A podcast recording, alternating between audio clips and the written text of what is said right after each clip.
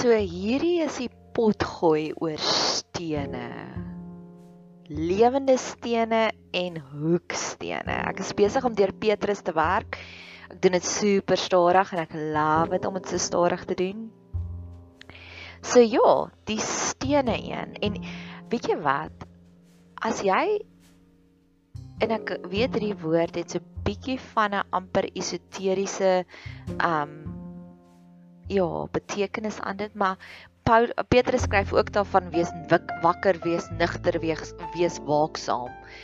En um en daar's regtig waar daar's 'n knoppie van as jy wakker genoeg is, if you present moment awareness, as jy nie te vasgevang is in die worry oor môre of die verwyte van gister nie, sien jy die magic raak in elke oomblik. En mag jy dit ook sien en mag jy ook besef dat alles is connected. Alles is connected. Dit waaroor jy vandag praat, gebeur môre in jou lewe en dit het al keer op keer gebeur. Wag, hier's vir jou 'n storie hoe wakker ja, hoe dinge net connected is. Twee weke terug het ek gery en ek het in 'n winkel ingestap en hulle het Jacaranda gespeel terwyl ek betaal begin ek die liedjie te hoor van Mike and the Mechanics. En dis daai liedjie van In the Living Years. En ek het uitgestap en ek luister min radio in my in my motor. Ek gebruik my motor meestal voice notes om dan voice notes bediening te doen maar ek het gevoel op hierdie storie moet ek dit kliphard aansit en ek het dit kliphard geluister. En ek is deur 'n intense pappa reis in hierdie lockdown waar ek regtig vir intense bemoeienis gemaak het met ons verhouding. Ek het gevoel daar's sekere dinge wat that needed fixing. En en in die einde van die liedjie sê hy dis okay om te besef you don't see eye to eye. En dis my en my pa se verhouding. Daar's sekere dinge wat ek love van hom, maar daar's ander dinge wat ek voel oh, nee. En die dinge wat ek love op hom, ek het besluit om eerder daarop te fokus in plaas daarvan om hom te probeer verander. Het ek dit eerder net gesurrender en ek het besluit ek gaan net fokus op dit wat hy goed doen. En ek het ek het daardie liedjie het ek myne gemaak. It's okay to realize you don't see eye to eye. En die liedjie gaan oor in the living years. Mag jy tot daardie besef kom. Dis amper 'n klaagliedere wat hierdie ou sing om te sê sy pa was eers dood en toe het hy besef maar eintlik die issues wat hulle gehad het was so klein. Hy wens hy kon tyd terugdraai en terwyl die pa nog lewendig was in the living years kon hy sê dis okay as ons nie oor alles ooreenstem nie. Soos hier is 'n klein voorbeeld van my pa. My pa het nou onlangs 'n plek gekoop in die bos. Nou ek bly al jare in die bos, so ek weet nou al okay, dis hoe jy slange, dis hoe jy met slange werk, dis hoe jy muise het en my pa hou nie van katte nie. Nou vertel hy vir my hoe sukkel hy met al die muise en hy het soos weet nie hoeveel 50 muisvalletjies gaan koop nie en ek dink dit met myself pappa kry net 'n kat. Weet jy hou nie van katte nie, maar daai katte gaan dit vinnig uitsorteer. En in elk geval en dis oukei en ek het en van tevore sou ek wou gesê pa kry net 'n kat. En toe dink ek net luister maar net na sy storie van die kos van die muisvalletjies en gaan hom maar net aan. Maar in elk geval So was dit nou Papa Dag, Sondag, Father's Dag en ek het dadelik weer gedink aan Living Years en ek het die liedjie gespeel en ek het 'n boodskapie geskryf vir hom en 'n boodskapie oor hom wat ek regtig vir die Here prys gesange gesing het om te sê dankie dat u vir my deur 'n liedjie geleer het voordat hy dood is dat ek dat ek hom kan begin waardeer en dat ek hom kan begin geniet want ek love verhoudings wat ek geniet en ek ek is regtig voor op hierdie stadium wat ek geniet my pa en dit is die eerste keer in jare wat ek hom regtig geniet. en ek het die liedjie geluister en vir my heel eerste pasiënt net na Papa Dag op Radio Jacaranda wat was die heel eerste liedjie wat gespeel het Living Years en ek sê ja dankie Here.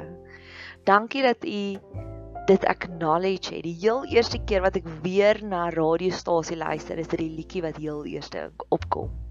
So ja, dit is nogals dis 'n full circle tipe van storie om te sê die Here het dit raak gesien, die Here het my gebed verhoor en die Here het beantwoord. En dit is net so amazing. En nou vooroggend sit ek met dieselfde ding, maar hy's nog nie op full circle nie. Maar ek het hierdie storie vertel as inleiding want ek weet ek gaan die full circle van hierdie ook sien en begryp. Maar ek is nog nie daar nie. Ek is nog steeds op die journey. Ek is nog steeds op die pad. So hierdie een gaan oor die lewende steen en die hoeksteen hierdie pot gooi. Maar vir oggend het ek op toe ek op my voice of toe ek op my WhatsApps kyk, een van my vriendinne se man het nou onlangs um nierstene gehad en sy het vir my gevra, "Gaan kyk gou-gou in jou boek. Ek het met Dr. Michelle Strydom se boek wat verduidelik wat se geestelike wortels van al die siektes." En toe sê sy vir my, "Gaan kyk asseblief in jou boek waaroor gaan nierstene." En ek het gaan kyk, maar in haar boek daar sy twee verwysings na nierstene, maar sy gee nie eintlik wat is die oorsprong daarvan nie. Sy sê net jy moet 'n bietjie meer water drink anders kry jy nierstene. Maar hoe dit ook al sê, so ek het my vriendin geantwoord, ek het vir gesê nee, sy sal ons journey nog op hierdie een. Die boek gee nie die antwoord nie, maar ek weet die Heilige Gees sal op die regte tyd die antwoord gee. Ek glo nie daarin om te veel te gaan Google nie, want baie keer wil ek eerder net hê die Here moet die antwoord gee. En dit is my so opmerklik dat ek het hierdie intense gesprek gehad met iemand oor nierstene en ver oggend se podcast gaan oor die lewende steen en die hoeksteen. Ek meen, hoe profound is dit? Hoe lekker is dit nie net as jy begin speel en die Heilige Gees kom speel saam nie, nê? Jy weet ek glo nog ons the more the merrier. So ons speel 'n kaartspeletjie Janef en dis my so lekker as ons 'n groot groep is wat saam speel. En dis so dit ver oggend vir my voel is die Heilige Gees kom speel saam terwyl ek hierdie podcast maak. So Petrus skryf vir ons, ons is die lewende stene. Hy sê in 1 Petrus 2 vers 5 en laat jy ek wag nee 2 vers 4 Kom na hom toe die lewende steen wat deur die mense wel verwerp is maar hy wat by God uitverkore en kosbaar is. En laat julle ook soos lewende stene opbou tot 'n geestelike huis 'n heilige priesterdom om geestelike offers te bring wat aan God welgevallig is deur Jesus Christus So die geestelike offers wat God like, het ek reeds in die vorige pot gooi verduidelik, maar nou gaan ons praat oor die konsep van juis lewende stene. 'n Jaar terug het ek tot die wete gekom om te besef elke dag kry ons bakstene en dis jou keuse wat jy gaan doen met daardie bakstene. Elke dag kry ons bakstene in terme van jou tyd wat jy het, die energie wat jy investeer, jou emosionele en fisiese kapasiteit. Jy kry elke dag stene en wat gaan jy bou met daardie bakstene? Gaan jy 'n egosentriese toring van Babel bou? Gaan dit gaan alles net oor me, me, me en me? Of gaan jy tempels begin bou? Gaan jy hierdie plekke bou waar mense kan nader groei aan God? Gaan jy hierdie tempels bou waar mense kan kom wegkruip en 'n veilige hawe kry? Gaan jy volstasies bou waar mense weer hulle energie kan refuel? En daardie was nogals een van my grootste lesse wat ek verlede jaar geleer het om te sê ek wil my bakstene gebruik, my tyd, my energie, my kapasiteit om heeltyd net tempels te bou. Ek stel nie belang om egosentriese toring van Babels te bou nie. En juis nou met die lockdown het ek regtig vir die groter diversiteit gesien van die mense wat egosentriese torings van Babels bou, die mense wat deur 'n tyd van tekort nog meer hulle deure toegemaak het en net vir hulle self gesorg het, versus die mense wat kospakkies gaan uitdeel het. Mense wat bemoeienis gemaak het met ander mense, mense wat saam met ander mense journey. So dit was die eerste konsep van daagliks kry jy jou jou bakstene, maar hierdie belofte vat dit next level. Hy sê jy is 'n lewendige steen. En hoe ek dit sien is jy het 'n impak op almal rondom jou.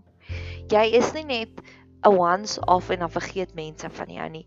Jy los 'n sekere aroma by mense. Jy los 'n sekere smaak by mense. Jy los 'n sekere gevoel by mense ek het so kersie wat verskriklik lekker ruik en as ek hom aansteek, die volgende dag daarna dan ruik my hele huis nog steeds so. En ek glo hoe meer ons gevul is met die Heilige Gees, hoe meer los ons daardie lang lingering effek van positiwiteit, van hoop. Daar's 'n die volgende quote wat ek love wat hulle sê Mense onthou selde wat jy vir hulle gesê het. Mense onthou net hoe jy hulle laat voel het.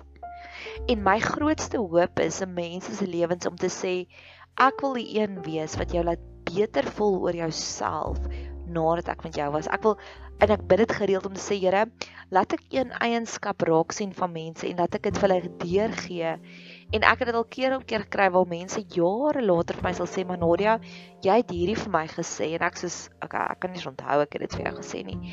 En daai is 'n lewendige steen want die stene wat jy gee vir ander mense, die tyd, die energie, dit groei. En waarin groei dit? Groei dit in 'n pragtige blommetjie wat hulle vashou of groei dit in 'n aaklige kaktus of in 'n kakiebos of in 'n onkruid wat groei? Elke dag is jy 'n lewendige steen. Ek het jare terug het ek met 'n meisie gejourney wat anoreksia gehad het. En toe ons by die by die by die wortel van die probleem kom, was dit een persoon wat vir haar baie beteken het, wat 'n wat 'n grappie gemaak het oor haar gewig om te sê jy's my klein mosbolletjie en sy het dit gevat as jy's vet, jy's mollerig. En dit was glad nie wat hierdie persoon probeer sê het nie, maar daardie woorde het so gaan sit dit sy het op die ou en op die dag anoreksia gekry en dit maak my hart seer. Mag ons besef ons is lewendige stene en elke dag mag ons uitgaan om te sê Here help my asseblief dat ek die positiewe lewendige stene is. Dat wanneer ek nie meer in mense se teenwoordigheid is nie, dat dit 'n pragtige roos is wat groei daar in in my afwesigheid en nie 'n aaklige kakiebos nie.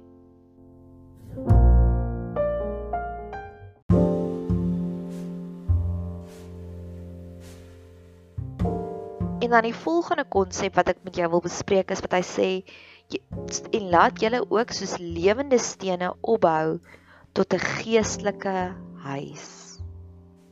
Hoe mooi is dit? Huis. Huis of home in Engels is altyd vir my 'n simbool van emosionele gesondheid. Dis my teken van jy voel veilig in hierdie persoon se teenwoordigheid. Het jy al opgetel hoeveel klaagliedere in sekulêre musiek is daar oor die konsep van home? Daar's altyd 'n hinkering om terug te gaan huis toe. Daar's altyd 'n hinkering na home. Maar dis dit die plek waar jy absoluut veilig voel. Dis dit die plek waar jy absoluut geliefd voel, hierdie plek waar jy absoluut geaanvaard voel. En dalk het jy dit gehad in jou kinderhuis, maar dalk het jy dit nie gehad nie. En dalk sal die Here en ek glo die Here sal vir jou op 'n ander manier hierdie home gee. My nuwe geestelike familie is my home. Ons is 'n groep vriendinne wat regtig vooral deur intense goed saamgewerk het. 'n Eggenoot wat afgesterf het, twee wat kanker gekry het. Ons is deur intense goed, maar hulle is my home. Hulle is die plek waar ek veilig voel. Hulle is die plek waar ek lewendig voel. Hulle is die plek waar ek op Chiquitita kan dans en kan sê, "Kom ons dans en fees vier net." En ek bid dit ook vir jou, mag die Here vir jou regtig waar op hierdie intense reis gaan van dit is wat home is, want God wil jou gebruik om jou 'n tuiste te maak. Tuiste is die Afrikaans vir 'n vir home. Om jou 'n tuiste te maak vir mense rondom jou. En ek het 'n storie daaroor. Ek het 'n ek het so die Here het dit so vir my bevestig ook 'n jaar terug wat ook van jy is 'n tuiste Nadia. Ek bly in 'n baie klein plekkie in 'n klein tuin woonstel en ek is glad nie Martha Stewart nie. Ek het baie ander talente, maar die plek is nie hy is nie mooi nie. Hy's nie dit is net funksioneel. Dis dit vir my werk. Want ek sal eerder ure by die Here se voete gaan spandeer as wat ek ure spandeer om die plek mooi te maak. Dit is net dis nie wie ek is nie en dis nie my talente nie, maar ek eer almal wat se huise mooi is en ek het 'n hele paar um wat dienaars, servants, vriendinne. Ek is 'n profeet volgens die redemptive gift en alle huise is altyd mooi en lekker en ek het al hulle huise gebruik om te onthaal. En op 'n stadium was ek so effens aangeval oor my huis deur 'n familielid En in daai week het ek gebid om te sê Here, moet ek nou hier aan werk of is dit nou maar net 'n sinnelose aanval? En in daai week het twee van my vriendinne deur 'n baie intense stormagtige tydperk gegaan. Nou, hier is hier is hoe my huis lyk. Ek het hierdie ou hand-me-down leerbanke en dit het al begin skeer, nê, nee, die leer. So dit het ek gesit op 'n stadium en ek het ek wou geleer hekel het want ek wou dis my ouma se legacy in my lewe. So sy het my geleer hekel en ek het hierdie granny square kombersies gehekel en die granny square kombersies is nou bo op my geskeurde leerbanke. En dis waaroor ek 'n aanval gekry het om te sê ek bly soos 'n armsalige wit mens in my huis. En in daai selfde week wat daai aanval gebeur het, was daar twee vriendinne wat hier op hierdie granny op hierdie geskeurde leerbanke bo op die granny square gehekelde kombersies kom sit het en hulle harte uitgehuil het. En ek het vir hulle koppie tee gebring en vir die ander het ek wyn gebring want ek ken my vriendinne. En ons het hierdie intense gesprekke gehad en ek kon die genesing sien in hulle oë. En toe dog ek dis wat dit beteken. Jy is iemand se tuiste. Jy gee vir iemand soveel meer. Hulle worry nie om op die geskeurde leerbanke te sit nie. En mag die Here dit vir jou kom leer op sy mees intiem intense intieme manier. Hy wil jou gebruik om vir iemand anders daardie veilige hawe te skep.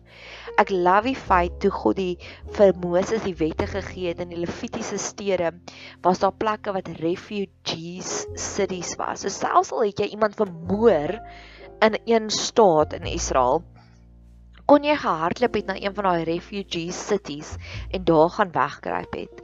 En dis hoe ek myself baie keer sien. Is ek wil vir mense sê, kom hier na my toe en ek en jy sit en ons gesels oor dinge. So ja, dis die eerste ding. Ons is 'n lewendige steen en die tweede eienskap is God wil vir ons 'n tuiste. Hy wil ons verander in 'n tuiste. Maar ook die my volgende groot gebed is wat ek vir die Here wil sê is Here, ek wil u tuiste wees. I want to be your home, nê? Nee? Want ek kyk baie kere, baie kere breek my hart vir die Here, nê? Nee? As daar iemand voor my sit en hulle so self egosentries en it's all about me, me, me en hoekom doen die Here dit en hoekom doen die Here dit? Dan bid ek gewoonlik dankie Here, ek's nie u nie. Want rarig is as iemand net na my toe kom die hele tyd met hierdie met hierdie met hierdie eise en niks my ooit terug gee nie, verstaan? Dit dit maak vir my sin ek kry die Here baie keer verskriklik jammer. Daar is hierdie een app wat ek gebruik. Die app help my met meer met 'n meer aktiewe en 'n lewendige teenwoordigheid op Instagram. Maar die app gaan besoek ek het soos 'n 'n oggendtradisie, so elke oggend wanneer ek wakker word, maak ek 'n koppie koffie. Ek stuur 'n boodskapie uit vir 'n paar mense 'n bemoedigende boodskap en dan plaas ek 'n bemoedigende boodskapie op Instagram en dan gaan ek gewoonlik in hierdie spesiale app in en ek spandeer omtrent 'n minuut op hierdie app en dan gaan ek weer uit en dan gaan ek aan. En ek dink vanoggend by myself, daar's soveel mense wat dink dis 'n verhouding. Dis soos 'n app wat jy net elke oggend ingaan. Ek het geen verhouding met hierdie app nie. Hy moet net vir my werk en dis dit. Nee, en ek gee nie enige aandag aan die app nie. Ek's 1 minuut elke dag op hom, min of meer op dieselfde tyd en dan gaan ek weer uit. En dis nie 'n verhouding nie. En dis wat ek ook vir die Here wil sê is Here, ek wil nie een van daai mense wees wat net kom met my lang shoppinglyste na u toe nie. Ek wil u tuiste wees. Ek wil vir u vertel hoe oulik is u. Ek wil vir u dankie sê. Ek wil 'n verhouding met u opbou. Ek wil graag hê U moet my verander in u tuiste. En dis wat ek ook dink wat wat Paulus bedoel het om te sê julle is die tempel en daai tempel, daai is al so uit verband uit geruk. Ek hou eintlik nie eens meer amper van daai versie nie want dit word baie keer net as 'n roede gebruik wanneer iemand nie hulle self versorg nie. Sê hulle, "Ja, maar jy's die tempel, kan jy dit aanvang?" En dis my so sleg om dit, dit te sê, maar eintlik dink ek wat hy daar bedoel het is God wil jou sy hou maak. God wil jou sy tuiste maak. God wil jou sy happy place maak. So mag dit ons gebed wees want ek waarborg jou die oomblik wanneer God ons so verander dat ons sy happy place is. Weet jy hoeveel meer seëninge gaan jy kry? Jy gaan outomaties mense net aantrek na jou toe want jy gaan so 'n 'n aangename mens wees.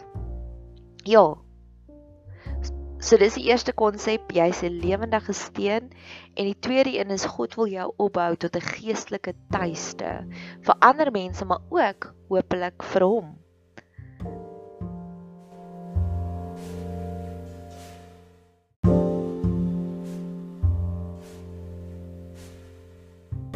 Ek het eintlik nog 'n storie oor home.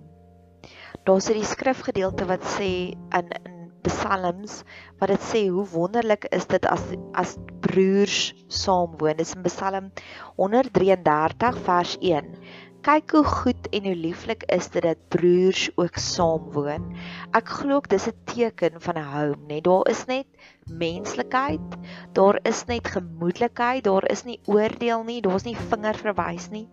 En hier in die omgewing waar ons bly, nou soos ek gesê het, ek en my vriendekring is 'n home en ek glo ons het 'n positiewe impak in ons gemeenskap ook. En ek sê dit baie nederig, ek weet dit klink effens hoogmoedig, maar hier is drie landgoedere so reg, ja, so in ons omgewing en die een weet ek het gereeld beklei almal met almal, nê, nee, en hulle is so verneig. En hier in ons landgoed was dit nogals 'n serieus issue want ons het wild en een persoon het besluit hulle wil van die wild afval en dit was 'n onreëlmatige besluit en en die mense het verlede week het hulle nogals intens baie intens op ons WhatsApp groepie met mekaar beklei en gesê maar dis nie regverdig nie. Almal moet geken word in hierdie saak. Ons moet saam besluit. En dit is 'n issue wat al keer op keer homself herhaal het. En gisteraand het een persoon het 'n leierskapposisie ingeneem en gesê hier is my voorstelle en hier is hoe ons dit van hier af vorentoe gaan doen. En weet jy daardie aaklige gaga slegte smaak is net so omgedraai en vir oggend is die boodskappe dankie vir julle moeite. En ek wil actually dit lees van nou nou ons die een van die estate bestuurders is aangeval want hy het verkeerd opgetree. Maar hoor hoor sy mooi boodskap. Hy sê dankie aan die persoon se naam. Aan die einde van die dag is dit 'n span poging van verskeie mense wat die belange van die estate op hulle hart dra. En ek sê, oh, "Wow! Hoe mooi is dit, nê?" Nee? En hy is die een wat regtig maar verkeerd was en hy het intense pak slaag gekry verlede week, maar dit het so mooi omgedraai dat dit is die oomblik van prys. En dis hoe ek voel wanneer iets jou huis is, dan eh, dit is soos daai stukkie in Psalm 133. Hoe mooi is dit as broeders saam woon? Want dan dan sal gemoedelikheid, daar's menslikheid. Daar's kom ons praat daaroor. Ons kom nie met vooropgestelde agendas nie. Ons kom net met kom ons sorteer hierdie issue uit. En dan die laaste konsep wat ek graag vir jou wil verduidelik is die volgende. Vers 6 en vers 7. Ja. Daarom staan dit ook in die skrif: Kyk, ek lê in Sion, 'n uitverkore en kosbare hoeksteen, en die wat aan hom glo sal nooit beskaam word nie. Vir julle dan wat glo, hy is kosbaar, maar vir die ongelowiges geld die woord: Die steen wat die bouers verwerp het, dit het 'n hoeksteen geword en 'n steen van aanstoot en 'n rots van struikeling. Nou daai volgende konsep van die rots van struikeling en so aan, gaan ek in die volgende pot gooi verduidelik, maar in hierdie een, kom ons staan stil by Jesus vir ons hoeksteen wees. So ek het nog nooit in my lewe self 'n huis gebou nie, so hierdie stuk het glad nie vir my sin gemaak nie. En weer eens soos ek gesê het, ek glo Google partykeer is 'n cheat. Dis 'n dis 'n quick fix. So ek sal eerder na mense toe gaan en vir mense vra, "Vertel vir my van 'n hoeksteen." En en hierdie gesprek het al soveel deure vir my oopgemaak. Ek bespreek dit al met mense van maandag af om te sê, "Ek wil hierdie podcast maak. Wat beteken 'n hoeksteen?" En die eerste ding wat iemand vir my gesê het, toe sê sy vir my, "Nadia, sy het al hy self gebou. As jou hoeksteen nie reg is nie, dan gaan die hele huis skeef wees of die hele huis kan in mekaar val. En dit het my dadelik laat dink as as jou fondasie nie reg is nie, as jy nie gewortel is nie, gaan die storm kom en die storm gaan jou laat omval. So Jesus wil ons so seker vasmaak aan hom dat selfs al kom die grootste storm, is ons nie so die drie varkies se huisies wat die wolf kom blaas blaas en pff, hy val in mekaar nie. En dis wat ek uit en uit nou gesien het, jy's nou in die lockdown. Ons almal is deur die storm, maar diegene wie se hoekstene reg was, het staande gebly. Hulle het nie insekuur geraak, hulle het nie paniekbevange geraak nie. Hulle het staande gebly en hulle het aangehou om hierdie bakens van hoop te wees. Of die tweede een was een van my vriendinne se mans wat dit vir my verduidelik het. Toe sê hy vir my Nadia, 'n hoeksteen is 'n dubbele steen, waar al die ander stene is net een steen. Omdat daar twee stene bymekaar kom, is 'n hoeksteen gewoonlik dubbel die sterkte. En dit is ook vir my so profound. Dis Jesus is dubbel sterker, meer as dubbel, maar daar is 'n ekstra tipe van beskerming die oomblik wanneer Jesus jou hoeksteen is. Daar is 'n tipe van 'n dubbele anointing wat gebeur. So dis wat 'n hoeksteen vir my beteken, is die belangrikste steen. As hy reg is, dan is die hele huis reg. As die hy reg is, is die hele huis nie skeef nie. As hy reg geplant is, dan dan val die huis nie so maklik om nie. En daar's 'n dubbele tipe van 'n beskerming met 'n hoeksteen.